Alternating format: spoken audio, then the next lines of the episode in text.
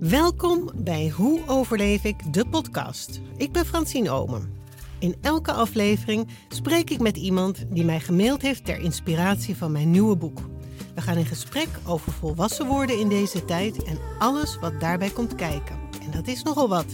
Daarom geef ik natuurlijk survival tips.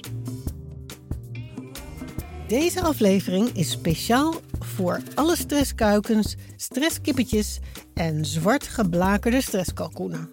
Ik ga het namelijk met Britte hebben over haar burn-out. We gaan samen onderzoeken wat er nu echt achter zit en wat ze eraan zou kunnen doen.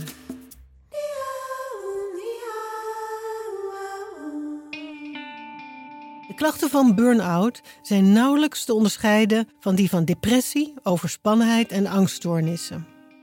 Emotionele uitputting, stress, prestatiedruk en eenzaamheid worden meestal aangemerkt als de oorzaak. Maar wat zit daaronder? Eerst wat cijfertjes voor wat ze waard zijn, want de cijfers gaan alleen over de mensen die bij de dokter geweest zijn. Ze geven dus een vertekend beeld. In werkelijkheid liggen de cijfers nog veel hoger. Ruim de helft van de studenten in Nederland heeft last van psychische klachten, zoals depressie, burn-out en angst. 1 op de 7 werkenden heeft last van burn-out klachten. Dat zijn 1,3 miljoen mensen. Sinds COVID is het aantal flink toegenomen. Burn-out komt het vaakst voor bij mensen tussen de 25 en 35 jaar en meer bij vrouwen dan bij mannen. Grote kans dus dat jij hier ook mee te maken hebt of hebt gehad, of iemand kent die ermee struggelt. Britte was een van de mensen die reageerde op mijn oproep voor een koffie of een biertje. En dit is haar mail. Goedenavond, Francine. Avond ook natuurlijk. Ja. Ehm, het is middag. Ja, Graag reageer ik op je oproep om een keer koffie met je te drinken. Ik ben nu 28 jaar en heb tijdens mijn puberteit heel veel genoten van de Hoe overleef ik serie. Met mijn levenservaring en verhalen hoop ik bij te kunnen dragen aan jouw nieuwe boek om twintigers door hun quarter life crisis heen te helpen. Even een sneak peek uit mijn leven. Van mijn twaalfde tot mijn negentiende woonde ik met mijn gezin in Nieuw-Zeeland. Daar maakten we heftige aardbevingen mee, waardoor we uiteindelijk moesten verhuizen uit ons kapotte huis. Na terugkomst in Nederland probeerde ik het normale Nederlandse leven weer op te pakken. Ik had vriendjes, studeerde in Amsterdam en ging zes maanden op uitwisseling naar Zuid-Amerika. Na mijn studie besloot ik in mijn eentje te gaan backpacken in Azië. En wat dacht je? Ik kwam daar de liefde van mijn leven tegen. Hij komt uit Canada en de afgelopen drie jaar hebben we hard geknopt om hem hier in Nederland te laten komen. Inmiddels is dat gelukt en wonen we samen in Arnhem. Alleen werden alle ballen in de lucht, werk, de privésituatie en trauma's van het verleden me te veel en kwam ik vier maanden geleden thuis te zitten met een burn-out. Graag vertel ik je meer tijdens een kopje koffie of thee. Ik hoor graag of jou dat ook wat lijkt. Hartelijk goed, Britten. Op de eerste plaats, hoe is het nu met je? Hoe is het vandaag met je? Want het, ik kan me voorstellen dat het een beetje van dag tot dag wisselt. Ja, het eh, wisselt eh, van dag tot dag. Maar over het algemeen gaat het heel veel beter. Dit is nu inmiddels, ja, ik ben bijna een jaar geleden al uitgevallen. Mhm. Dus elf maanden geleden in februari vorig jaar. Uh, inmiddels ben ik ook aan het opbouwen weer op werk. Mhm. Um, nu alweer een paar maanden. En ik zit nu ongeveer op de helft van mijn uren. Dus ik uh, werk nu vier uur per dag. Um, en uh, ja, dat gaat tot nu toe heel goed. Maar ik merk dat het heel erg ja, elke dag balanceren is. Dus inderdaad, wat je zegt over energie. De energie een beetje ja, eh, voelen eigenlijk. Hoe je op dat moment in je vel zit, hoe, hoe de energie zit. En uh, daar dan naar te handelen. Dus als ik het even niet aan kan, uh, mentaal of fysiek gezien, dan doe ik iets niet. Um, maar ik probeer wel weer meer dingen op te pakken.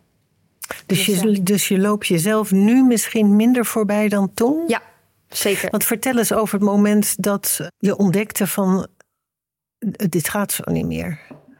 Um, kan je daar nog een soort van moment, weet je nog, een situatie of een gebeurtenis dat je opeens realiseerde van. Ja, voor mij was er, was er echt een moment inderdaad. En als ik nu terugkijk, waren er wel meer momenten daarvoor. Uh, ik was wat vaker ziek. Het was ook de winterperiode, zoals nu. Dus ik kon moeilijker mijn bed uitkomen. En ik uh, was echt vaak ziek, zeg maar. Echt oprecht dat ik gewoon een paar dagen in bed nodig had om bij te komen. Maar ehm, als ziek als in griep of koude of... Nee, eigenlijk meer een mental health day, zeg maar, had ik nodig. Griep af en toe kwam er ook wel tussendoor. Maar ik merkte gewoon heel erg dat mijn lichaam gewoon een soort van op was of zo. En op een gegeven moment was het dus in februari, op een woensdagochtend, ehm, zou ik vanuit huis werken. En uh, ik stond op en ik had al zo'n zwaar gevoel van binnen. En ik keek mezelf in de spiegel en ik begon keihard te huilen. En uh, ik keek mezelf aan van waar, waar ben ik mee bezig? Wat doe ik? Um, dus dat was een hele belangrijke vraag voor je. Waar ben ik mee bezig? Ja, ja, ja, want het was overduidelijk voor mezelf op dat moment in één keer dat het niet goed voelde wa waar ik mee bezig was. Ja. En waar, waar was je precies mee bezig dan? Of ja, waar was je niet mee bezig? Ik was niet bezig met echt kiezen um, waar ik zelf blij van word in het leven, dus denk dat, ik. Ja. En ik was wel heel erg veel bezig met veel ballen in de lucht houden. Eigenlijk, ik ben altijd een. Ik, vond, ik vind mezelf altijd een heel positief persoon. Uh, happy, gewoon, weet je wel, sociaal, verantwoordelijk. En ik heb het als een soort identiteit gepakt van mezelf om die persoon te zijn, die rol aan te nemen voor ook andere mensen. Dus te zorgen voor ja, dat, dat mijn familie, dat mijn vrienden uh, zich op zijn gemak voelen of, of blij zijn. Uh, een soort goede energie, zeg maar, bij mensen uh, brengen. Ja. Of dus, ook concreet helpen met dingen. Dus um, anderen ja. happy, jij happy. Zoiets, ja? Anderen happy, en dan ja, dacht maar, maar ik dat dus ik daar blij van werd. Precies, maar dat was zeg maar het, het idee daarachter. Ja. De strategie was, ja. als die ander blij is, ja. dan kan dan ik ook ik blij ontspannen en ben ik blij. En, ja. En um, ben ik benieuwd eigenlijk, want je vertelde eventjes van... Uh, je hebt toch van je 12 tot je 19 in Nieuw-Zeeland gewoond. Mm -hmm. Ja. Ook heel avontuurlijk. Hoe, hoe, Ik wil een beetje naar eigenlijk jouw rol in het gezin vroeger toen. Ja. Waarom gingen jullie verhuizen naar Nieuw-Zeeland? Want het is toch wel wat emigreren. Ja, het is, het is wel wat inderdaad. Um, ja, mijn ouders uh, zijn sowieso al heel avontuurlijk. Mm -hmm. Dus je ziet wel waar ik het van heb. En zij zijn vroeger op wereldreis gegaan, toen als, als eigenlijk een soort huwelijksreis. Uh, zijn ze anderhalf jaar uh, wezen reizen. Mm -hmm. En toen kwamen ze ook in Australië en Nieuw-Zeeland. En ze werden helemaal verliefd op die landen. Mm -hmm. Dus um, eigenlijk wilden zij of naar Australië of naar Nieuw-Zeeland voor de sfeer daar. Het is gewoon echt een wat meer relaxte sfeer. Het is niet zo hard gaan, zeg maar, hier van, um, uh, weet je wel, je, je doet je banen en dan ga je hier naartoe en dan heb je twee maanden vooruit gepland al je hele weekend. Minder vol. red race. Precies, geen red race of minder red race. Uh, en de natuur is prachtig daar. Dus die redenen eigenlijk zorgden ervoor dat mijn ouders, uh, toen ik twaalf was, kozen om te gaan emigreren. Had je broertjes en zusjes? Ja. ja, een broertje en een zusje, allebei jonger. En wat ben jij? Jonger. Jij bent de oudste. Ik ben de oudste, ja. ja. Ja, dus mijn rol in het gezin, eigenlijk al vanaf heel jong, um, heb ik zelf aangepakt als de grote zus. Verantwoordelijk voor mijn broertje en zusje. Verantwoordelijk voor de sfeer in huis, voor, de, voor het goede voorbeeld zijn eigenlijk. Dus best was, je, wel... was je dan een soort van de, uh, de brave dochter? Ja. Prototype van de brave dochter Ja. die de ouders eigenlijk wilde pleasen? Ja. Van, Ja, ja, ja, ik wilde niet te moeilijk zijn. Dus, waarom ehm, niet? Ja, ja dat, dat ben ik nu ook. Ik, ik zit nu met een psycholoog uh, ook in het traject. Echt super trouwens. Dus iedereen aan te raden om lekker in therapie te gaan. Maar Ja. ehm, eh, met haar ben ik dat dus ook aan het onderzoeken. Van waar komt het dan vandaan? Waarom? Ehm, en dat is gewoon echt een soort ja, drang die ik vanuit mezelf heb om goed te zijn voor de wereld of, of weet ik veel wat. Dan, dan heb ik het gevoel van oké, dan, dan verdien ik het om hier te zijn. Ja, dus zeg jouw bestaansrecht Ja. is... Ik moet een goed meisje zijn. Ik moet Ja. een goed mens zijn. Ja, En eh, dat vertaalt zich in goed voor anderen zorgen. ja, ja. Attent zijn op de zijn. behoeftes van de ander. Attent zijn Ja. überhaupt, maar ook op de... Klopt het dan ook dat je heel gevoelig bent voor de stemmingen van andere mensen? Dat je heel Ja. snel aanvoelt, bijvoorbeeld als je een kamer binnenkomt, wat voor sfeer daar hangt? Of Ja, ja, best wel. Ehm, ik ken wel mensen die dat veel meer nog hebben. Ik, ik ben niet zo dat ik echt emoties kan overnemen van anderen, gelukkig. Ik weet dat dat best wel heftig kan zijn. Maar eh, ik kan wel snel merken als anderen wat minder goed in hun vel zitten. Of gewoon als de, ja, de energie zeg maar wat lager is. En dat, daar ben ik me nu bewuster van. En ik kan nu wel terugkijken en zien van... oké, dat probeer ik dan een beetje te overcompenseren met mijn eigen energie. Van oké jongens, kom op, uh, doe gewoon gezellig. En uh, uh, nee, je hoeft je geen zorgen te maken. Ik was dan altijd degene die zei van nee, um, weet je wat, ik snap dat je je zorgen maakt over dit of dat met iedereen. Um, maar het komt helemaal goed als we het zo doen. Maar van binnen was ik dan soms ook best wel bang of gestrest. Alleen dat liet ik dan niet zien of dat liet ik niet toe eigenlijk, ook niet aan mezelf.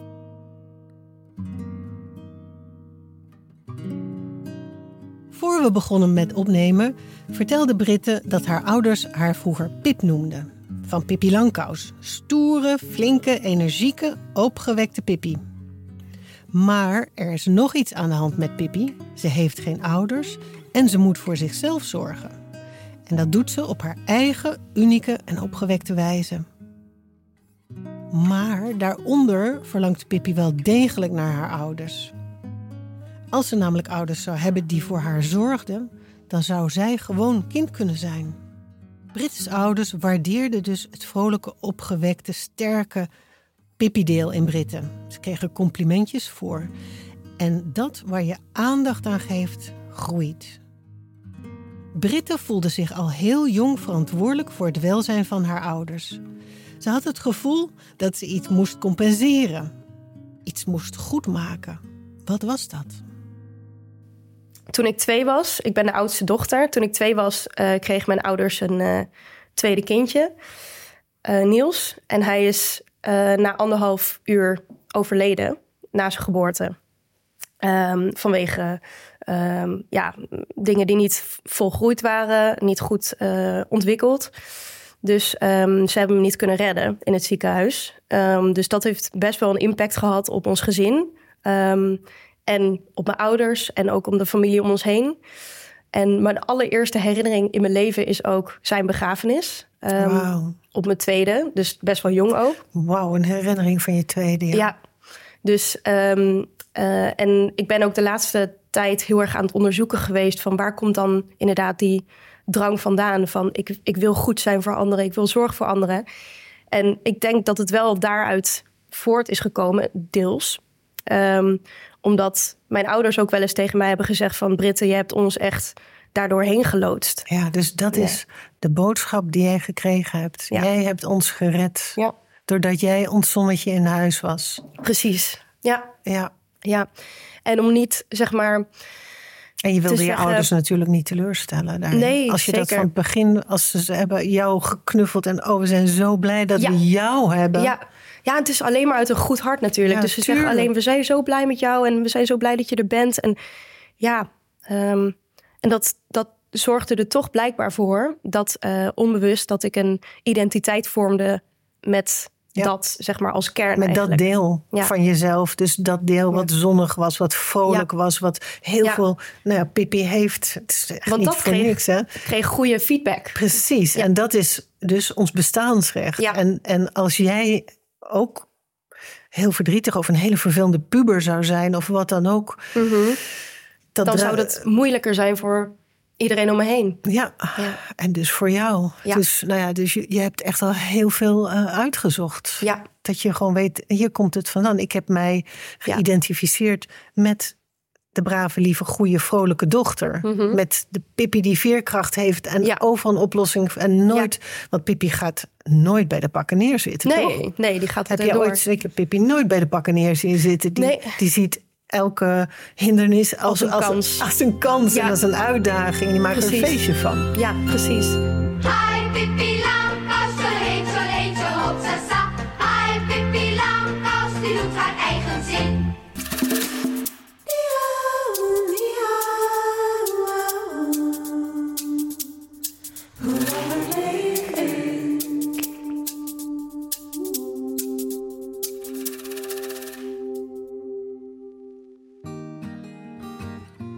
Britte heeft als kind gezien dat haar ouders het moeilijk hadden. En ze wilde hen daarom niet extra belasten. Dus ze vroeg weinig en ze gaf veel. Ze voelde zich heel verantwoordelijk voor dingen waar ze als kind eigenlijk niet verantwoordelijk voor was. Ze ging zelfs voor haar ouders en voor haar broertje zorgen. Dit is een overlevingsstrategie die parentificatie genoemd wordt. Als je een geparentificeerd kind bent, zorg je voor anderen en onderdruk je je eigen behoeftes. Je voelt je voor alles en iedereen verantwoordelijk. Je fixt en je pleest. Je houdt de behoeftes en stemmingen van iedereen in de gaten. Je bent zorgzaam en behulpzaam en zet anderen op de eerste plaats. Het is een overlevingsstrategie. En in je latere leven blijf je dit doen. In je werk, je vriendschappen en je liefdesrelaties. Wat heel belangrijk is, is dat onder elke overlevingsstrategie een overtuiging zit. Bij geparentificeerde kinderen is dat vaak: ik sta er alleen voor. Ik hoef niks te verwachten van anderen. Hulp vragen is zinloos en als ik dat doe, dan ben ik de ander tot last. Daaronder zit nog een gedachte. En dat is de zelfovertuiging. Ik doe er blijkbaar niet toe. Ik ben niet belangrijk en ik ben alleen belangrijk als ik iets presteer. Ik moet heel erg mijn best doen. Ik moet liefde verdienen. Bijvoorbeeld door voor anderen te zorgen. En of door weinig ruimte in te nemen. Of door ervoor te zorgen dat ik succesvol ben, goede cijfers haal, een goede baan vind, veel geld verdien. Of heel mooi, heel lief, heel gehoorzaam, heel slim, heel grappig, etc. ben of alles bij elkaar. Een burn-out ontstaat meestal omdat je het gevoel hebt dat je je moet bewijzen. Maar het probleem is, hoe goed je ook je best doet, het is nooit goed genoeg. Omdat je heel diep van binnen ervan overtuigd bent dat je niks waard of niet goed genoeg bent. Dus de welbekende bodemloze put. Ja, dus ook toen, uh, toen mijn ouders ons vertelden dat we naar Nieuw-Zeeland zouden verhuizen, was natuurlijk mijn eerste reactie van: oh nee. Ja, want je was twaalf. Ik was twaalf, ja. of ik was toen nog elf. En, uh, dus je ging naar de brugklas. Je zou naar de brugklas gaan. zou naar de brugklas gaan, ja. Dus het was wel een natuurlijke overgang eigenlijk. Dus um, in de zomervakantie ook na groep 8, na de groep 8 musical en alles, uh, zijn we verhuisd. Maar ik uh, merkte dat ik het al snel begon te zien als een avontuur. Van oké, okay, mijn ouders hebben deze keuze gemaakt. Blijkbaar hebben ze daar een goede reden voor. Um, en we gaan gewoon lekker mee. We moeten mee. Dus ja, ik kan er beter iets, iets goeds van maken. Ja, dus ik richt me op het goede en op het leuke en op het avontuur. Ja. En de emoties die ik voel. Ja. Je vriendinnen, want je zei al, ik ben een heel sociaal iemand. Ja. Mijn vriendinnen, die, zij vonden het verschrikkelijk. Ja. En, en op dat en jij moment... ging waarschijnlijk ook je vriendinnen oppeppen. Ja, ja. ik ging hun troosten. Ja. ja. Ja, en natuurlijk was ik zelf ook heel verdrietig. Alleen ik... Um, Onderdrukte het waarschijnlijk Ja, als ik daar nu aan terugdenk, inderdaad, die momenten dat zij dan heel verdrietig waren, dan wilde ik inderdaad juist voor hun zorgen en zorgen of troosten. En, um, en dan probeerde ik het maar in mijn hoofd een beetje te, ja, om te draaien van, ja, het is inderdaad verdrietig, maar het is voor een goede reden. We gaan daar naartoe. Het is een prachtig land. En ik wil graag avontuur in mijn leven. Dus let's ja, go. En het maakt mijn ouders happy. Die willen dat Ja. heel graag. En Ja. nou, als ze happy zijn, ben ik ook happy. Ja. En ehm, Ja, everybody happy. ja precies. Maar niet echt. Soms niet. Nee, soms niet. Want waren er ook wel momenten dat je, misschien als je alleen was, dat je dat Nou. wel kon voelen of toestaan? De eerste paar maanden heb ik me bijna elke avond in, in slaap gehuild. Die, die tijd. Mhm. Ehm, toen we net waren verhuisd, net geïmigreerd. Ehm, en dan overdag kon ik wel weer gewoon happy zijn en eh, sociaal. En ik werd gelijk ook opgenomen. Daar heb ik ook wel weer geluk mee. Dat ik gelijk ook op werd genomen met nieuwe vrienden. En Ja, ik omdat je zo'n vrolijk meisje bent en Ja. je instelt op anderen. Hè? Ja. Je bent denk ik gewoon, je stelt je in op anderen. Je bent heel, denk ik, meegaand. En, Ja. en je kijkt naar het positieve. En Te dat- meegaand misschien. Maar Ja. ja, maar ja s'avonds kwam dan wel die emotie eh, naar buiten. Dus dan huilde je jezelf in slaap. En Ja, hebben je ouders dat gemerkt? ja, Dat wel. Want jij lag er dus in bed snikken. ja. Ehm, lag je zachtjes misschien dat ze het niet zouden horen? Want je wilde natuurlijk het voor hen ook niet bederven. Nee, klopt. En daarnaast had mijn broertje het ook heel moeilijk ermee. En mijn zusje was nog heel jong, dus Die was merkte het zes. niet zo, ja. Die, die, ja, Wel Die miste- zes, wel, ja, toch al. die miste wel ja, haar vriendinnetjes, maar heeft het toch minder bewust meegemaakt. Maar je broertje moment. had het er wel moeilijk mee. Ja. En die, eh he acted out. Dus hij liet het wel merken ook. Ja. Hij ging meer eh er tegenin. er tegenin. Ja, ja hij, was, eh, hij is eigenlijk tot, tot op de dag van vandaag blij dat we weer terug zijn in Nederland. Mhm. Ehm, want eh, ja, het was voor hem gewoon lastiger om daar zich aan te passen en uh, daar erin te komen. En ja, misschien ook wel door, doordat het voor hem moeilijker was, maakte ik het dan weer makkelijker voor mezelf om gewoon het te doen. En dat is ook gewoon altijd mijn instelling geweest. Van ik zie het als kans uh, om nieuwe mensen te ontmoeten, om een taal te leren. En natuurlijk was het wel echt heel lastig af en toe. Maar ik heb ook wel een hele mooie jeugd gehad in Nieuw-Zeeland.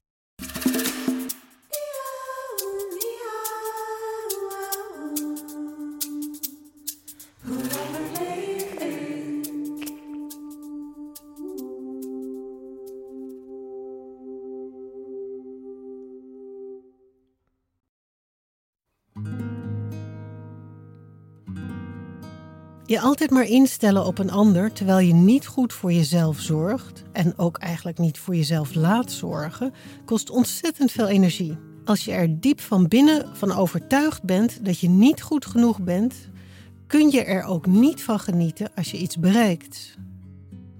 Als je je instelt op anderen, is de kans groot dat je niet op de juiste plek zit. In je werk, studie of relatie. En dat is ook super uitputtend en geeft heel veel stress. Dat brandt je op.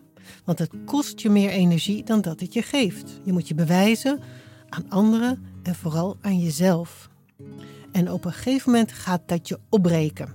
Het kan zich uit in een burn-out of in een depressie of in allebei. En in andere onverklaarbare lichamelijke klachten. Bijvoorbeeld auto-immuunziekten. In feite zegt je lichaam dan: Ho, stop, dit houden we niet langer vol zo. Je bent met iets bezig dat niet goed voor je is. Er moet iets veranderen. Britte vertelt hoe het was toen ze thuis kwam te zitten. Eigenlijk toen ik voor het eerst thuis kwam te zitten, uh, uh, dacht ik: Oh my god, wat gebeurt er? Wat is er aan de hand? Ik snap hier helemaal niks van. En je hoort wel eens van mensen die een burn-out hebben. Ik heb ook wel mensen in mijn directe omgeving die het hebben gehad, of die het op dit moment ook nog hebben.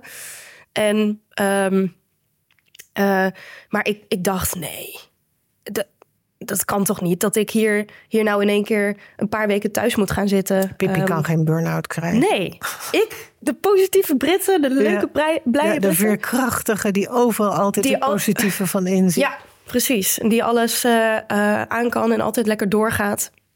Maar ja, mijn lichaam zei: Nope, het is uh, even klaar. En, um, En hoe voelt het dan, Britt? Want ik heb het nooit gehad. Je komt niet meer je bed uit? Of wat? Je wil niet meer... je komt wel je bed, of in ieder geval, ik kwam wel mijn bed uit. Het was, het was niet dat ik echt letterlijk Verlamd was? verlamd was, maar um, alles kostte energie. Alles. Letterlijk uh, naar de supermarkt gaan, um, stond ik daar tussen de, tussen de melk en de yoghurt. En dan zat ik te bedenken, shit, wat wilde ik nou ook alweer?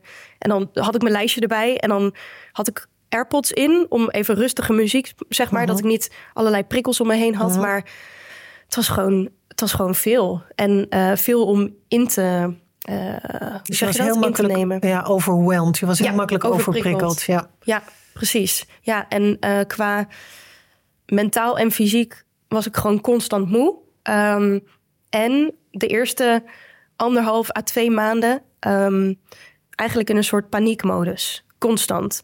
Dus uh, dat is, ik weet nu dat dat komt omdat je lichaam op een soort hoge alertmodus altijd staat. Al een hele tijd daarvoor. Ja. Omdat je dingen te veel door Klopt. hebt laten ja. gaan. En te veel over je eigen grenzen blijkbaar bent heen gegaan. En die alertmodus, dat is eigenlijk een soort bad trip waar je constant in zit. Ik weet niet, ja, ik heb dat wel eens gehad. Um, en dan denk je van, oh my god, ik word, ik word gek. En je bent alles aan het overdenken. En je, je, je hebt de hele tijd paniek, eigenlijk een soort van constant. En je kan ook niet aan andere dingen denken. Je bent constant bezig met, god, wat gebeurt er? En oh, wat zouden, wat zouden mijn collega's wel niet denken? Die zitten nu alleen op de, op, in het team. En uh, wat zouden mijn ouders en mijn vriend en mijn vrienden wel niet denken? God, wat stel ik me toch aan? Oh, er is een oorlog. Weet je wel, die hebben het veel erger dan ik. Waarom ben ik zo in paniek de hele tijd? Waarom ben ik zo moe en verdrietig en boos?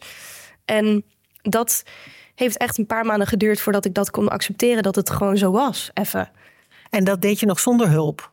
Nee, ik had toen wel. Um, kreeg toen heel fijn vanuit mijn werkgever gelijk uh, een psycholoog. En uh, mijn manager kon ik ook mee praten. En die psycholoog die zei: schrijf gewoon een aantal positieve dingen op per dag. Moest ik uh, datum, tijd opschrijven, een gebeurtenis en dan het gevoel wat, bij, wat ik daarbij voelde. Dus bijvoorbeeld, nou, um, dat de zon scheen. Daar was ik dankbaar voor. Dat is het gevoel. En dan moest ik verderop opschrijven. Even kijken of ik het kan vinden. Misschien niet. Moest ik verderop opschrijven wat dat gevoel over mijzelf zei. Hmm, dus, dus nog een stapje verder. Ja, precies. Ja. Dus dat was eigenlijk ook de achterliggende gedachte van de psycholoog. Van door die positieve dingen op te merken, word je sowieso al uh, weer wat positiever in, ga je positiever weer in het leven staan, word je dankbaarder. Maar om, om het terug te pakken naar je eigen ik, van oké, ik voel me hier dankbaar over, dus dan ben ik een dankbaar persoon, dan ben ik een, ja, um, ja wat, wat kan je er nog meer over zeggen? Um, ik merk dingen op. Um, oh, hier. Uh, natuurliefhebber, uh, actief. Weet je wel, gewoon positieve dingen moest ik toch toen over mezelf opschrijven. Ja. En ja, dat heeft mij in, in, het begin heel erg geholpen. En inderdaad, ook wat je zegt over het schrijven. Ik ben op een gegeven moment ook achter in mijn boekje. Ik heb dit boekje helemaal gebruikt dit jaar. Ja, ik zie een boekje liggen en voorin zitten volgens mij de oefeningen die je de, de uh, van je psycholoog, de opdrachten. Ja. En je bent dus aan de andere kant voor mezelf. een beetje freestyle voor jezelf, je gedachten. En dat, dat ziet er ook heel anders uit. Ja. Ja. dat ziet er veel uh, gewoon, gewoon maar vrijer, vrijer Vrij. uit. Ja. ja. ik ben er gewoon maar gaan schrijven. Uh, ik merkte als ik heel vol zat in mijn hoofd. Heel over, overweldigd. Ook op dit moment nog, als ik um, gestrest ben, bijvoorbeeld over vandaag. Weet je wel, dat kan best wel spannend zijn. Ik vond mhm. dat in het begin best wel spannend. Tuurlijk, snap ik. En dan heb je ook nog andere dingen die er aankomen. Ik ga volgende week naar Canada om de familie van mijn vriend uh, weer te zien. En de, en de vrienden. En dat is ook best wel spannend. En dan merk ik dat ik snel, sneller geïrriteerd word. Uh, of, of me weer minder goed ga voelen in mijn eigen vel. En dan ga ik schrijven. En dan ga ik gewoon maar al mijn gevoelens, al mijn gedachten opschrijven.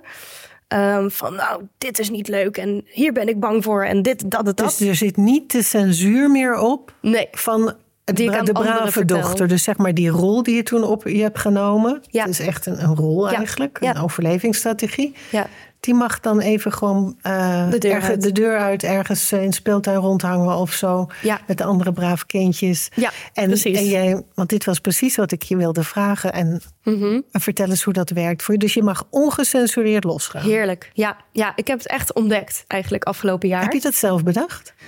Nou, ik heb wel heel veel podcasts geluisterd en veel dingen gelezen. Ook vooral in het begin over ja. mensen die een burn-out hebben of die, die niet goed in hun vel zitten. Daar kwam het af en toe wel naar boven van ja, ga eens gewoon schrijven. Alleen ik dacht, schrijven, ja, dan moet je meteen een verhaaltje maken of zo.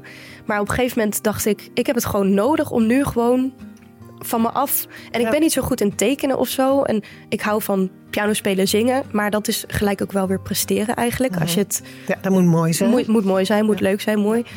En um, dus ja, eigenlijk heb ik het een beetje ook wel um, bedacht op, op een gegeven moment. Want, want ik geloof ja. dus ook heilig. Dingen als een dankbaarheidsdagboek, meditatie, yoga, time management, massage, gezond leven, allemaal heel erg nuttig. Ze kalmeren je overspannen zenuwstelsel en dat is een eerste belangrijke stap. Maar daarna is een volgende stap nodig. En dat begint bij de vraag: waarom moet jij zoveel van jezelf? Waarom ren je maar door en door? Waarom heb je eerdere signalen van vermoeidheid en uitputting genegeerd?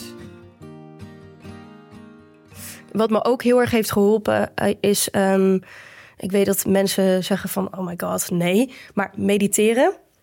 Um, ik dacht in het begin, oké, uh, ik weet niet of ik mijn hoofd helemaal leeg kan gaan krijgen. Maar ik, heb ik ben erachter gekomen dat dat eigenlijk niet echt het doel is van mediteren. Eigenlijk het doel is om uh, gehoor te geven of eigenlijk ruimte te geven aan je oprechte gevoelens en je gedachten op dat moment. Oh, wat mooi. Dat helpt ja, mij heel dat erg. Dat een soort van andere definitie is van meditatie. Niet per ja. se dat idee van ik moet zwijgen in mijn ja. hoofd. Nu moet het helemaal, helemaal leeg zijn. perfect stil zijn. Maar ik ben eigenlijk spaceholder ja.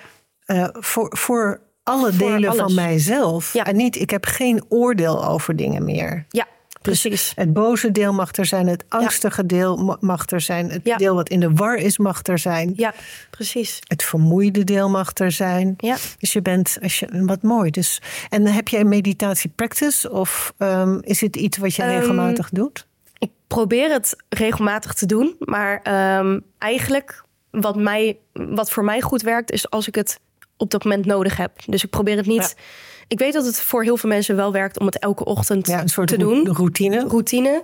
Ik hou niet zo van routines. Nee, Nee. ik ook helemaal. Een routine ligt heel dicht, dicht tegen doctrine. Het moet zo. Ja. En als je het dan niet doet, dan ben je slecht. En dan Ja, krijg je ja. van jezelf bijzonder. Precies. En dan ben je nog verder van huis. En ik wil juist inderdaad mezelf de ruimte geven om lekker te doen wat goed voelt op dat moment. Dus ook in dit soort dingen. Dus als ik eh, eigenlijk hetzelfde met het schrijven, als ik eh, voel van ik heb dat even nodig, gewoon mijn hoofd explodeert. Ik heb hele drukke dagen de komende dagen. Ik moet er doorheen. Dan, dan heb ik mezelf aangeleerd, soms met een eh, geleide meditatie, op, gewoon op YouTube, op Spotify. Mhm. Ehm, maar soms ook gewoon met niks. Of gewoon lekkere yoga muziek, weet je wel. Ehm, dat. En eh, om dan gewoon...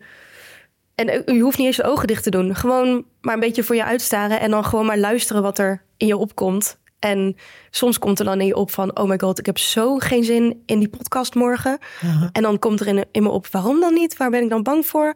Oh, je bent bang om eh, gekke dingen te zeggen... of je bent bang om raar over te komen... of dat je verkeerde dingen zegt. Maar ja, eigenlijk alles wat je doet is al goed. Je hebt het al het recht om hier te zijn. Je bent, zeg maar, je bent goed zoals je bent. En nou ja, in ieder geval om dat als voorbeeld te nemen. Al- Als mensen daar misschien een oordeel over hebben of, of eh, me raar vinden of ehm, zeggen... oh my god, Britta, had je even niet moeten zeggen. Ja, op dat moment voelde dat gewoon goed. En het is de waarheid, het is mijn waarheid.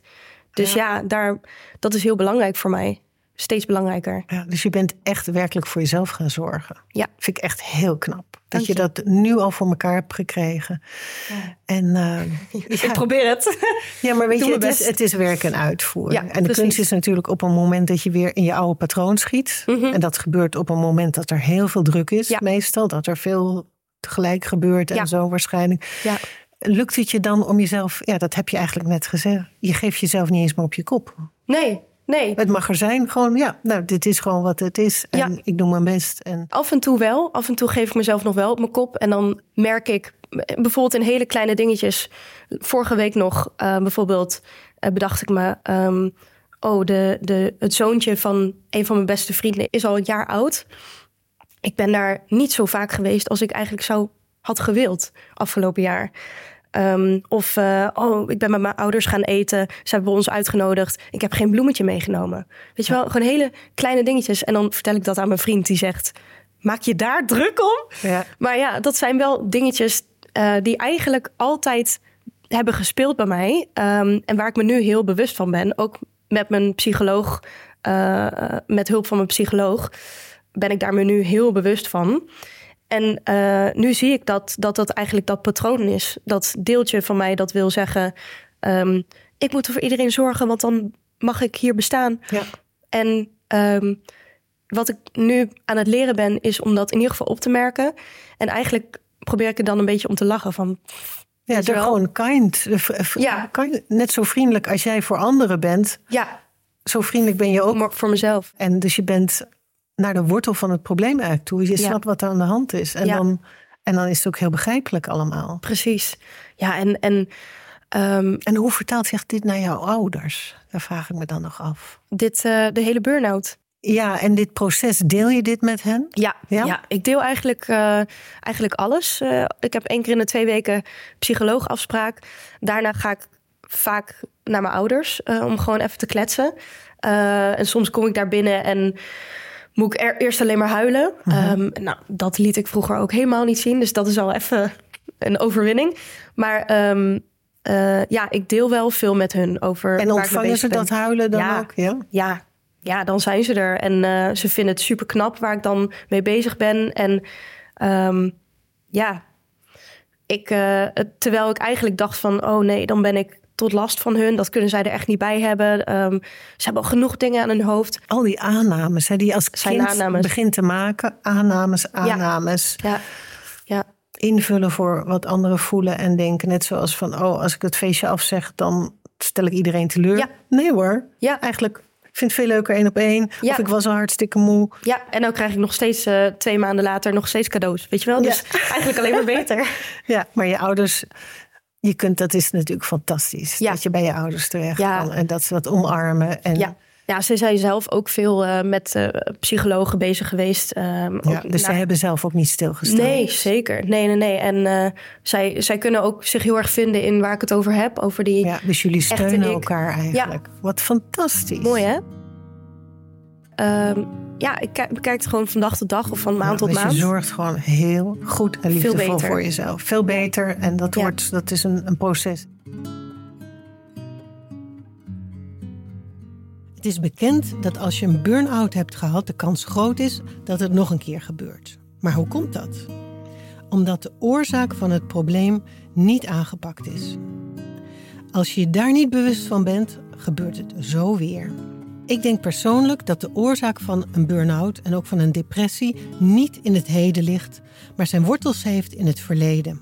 Dat het te maken heeft met de kernovertuigingen die je als kind hebt opgedaan. Dat harde werken en jezelf proberen te bewijzen is in feite een overlevingsstrategie waar je zonder dat je het doorhebt in vastzit. Die van Britten was: ik ben alleen iets waard als ik heel hard mijn best doe, geen ruimte inneem en goed voor anderen zorg. En altijd die vrolijke Pippi ben. Mijn verdrietige, kwetsbare, hulpbehoevende deel, het tegenovergestelde van Pippi, moet ik goed verstopt houden, want dat is belastend voor anderen. De meeste mensen zien burn-out als iets ergs, maar ik zie het als een kans, een wake-up call, een uitnodiging om de boel te resetten. Er moet iets veranderen. Niet in wat je allemaal doet, maar in waarom je het allemaal doet. Mijn survival tips voor burn-out. 1. Verander de manier waarop je er naar kijkt. Zie het niet als een ziekte, maar als een signaal, een wake-up call, een kans. Het is je lichaam dat zegt: hé, hey, er zit iets scheef, er is verandering nodig. 2. Ik denk niet dat je burn-out bent, maar dat er een deel van jou is dat zich opgebrand voelt. Jij bent niet je burn-out. En als je het zo bekijkt, kun je je ook voorstellen dat er een ander gezond deel van jou is dat dat weet en dat voor dat burn-out deel kan gaan zorgen. En mijn tip is: geef je sombere, uitgeputte burn-out deel een naam. Dan kun je ermee praten. Stel het vragen. Wat wil je mij vertellen? Wat kost jou zoveel energie? Waar heb je moeite mee? En vooral de vraag: waar heb je behoefte aan? 3. Zoek de tegenpool van burn-out. Hoe ziet dat deel eruit? Geef het ook een naam. Hoe voelt het zich? Hoe gedraagt het zich? Het is in ieder geval een energiek, levendig en vreugdevol deel. Wat voor dingen wil dat doen? Dat zijn de dingen die jou energie geven, die jou voeden. Wat voor een survival tips zou dat deel van jou aan jou kunnen geven? 4. De symptomen van burn-out lijken dus vaak op die van depressie. Wat bij beide helpt is expressie. Expressie is de beste remedie tegen depressie. Uiting geven aan, dus niet de boel binnenhouden, maar naar buiten laten. Het ventiel van de hoge drukpan eraf halen. Expressie kan eruit zien als praten, als schrijven over wat je voelt, tekenen, muziek maken, dansen, dingen maken, wat dan ook. Als de emoties maar niet opgesloten zitten, maar stromen kunnen. 5. Zoek hulp. Praat met een coach of een psycholoog. Je hoeft het echt niet alleen te doen. Dat je anderen lastig valt met jouw problemen of dat anderen jou misschien niet zouden kunnen helpen, is een gedachte die niet klopt. Jij vindt het toch ook heel fijn als je iets voor anderen kunt betekenen? 6. Vraag jezelf regelmatig af: doe ik dit omdat ik het gevoel heb dat ik het moet doen of omdat ik het wil doen? Ben ik op mijn plek, op mijn werk, mijn studie, mijn relatie, mijn vriendenkring? Krijg ik er energie van of kost het me energie? Beantwoord de vragen in je journal. en wees eerlijk tegen jezelf, ook al is het confronterend. En mijn gouden tip is: zoek de natuur op. Maak wandelingen, ook in je eentje. De natuur is prikkelarm, het voedt en kalmeert je. Na een lange wandeling voel je je altijd rustiger, helderder en beter.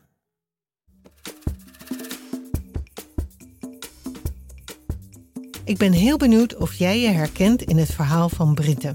Je kunt het me laten weten op Instagram. Hoe overleef ik? Ik krijg daar zoveel berichtjes dat het me leuk lijkt om een QA-aflevering op te nemen. Kan jij ergens survival tips bij gebruiken? Wil je een verhaal met me delen of heb je een vraag voor me? Stuur me dan een voicebericht. Dat kan dus op Instagram, hoe overleef ik. Wie weet hoor jij jezelf en mijn antwoord binnenkort terug in een speciale aflevering. Deze podcast maakte ik met veel plezier samen met Dag en Nacht Media en Podimo. Tot de volgende keer.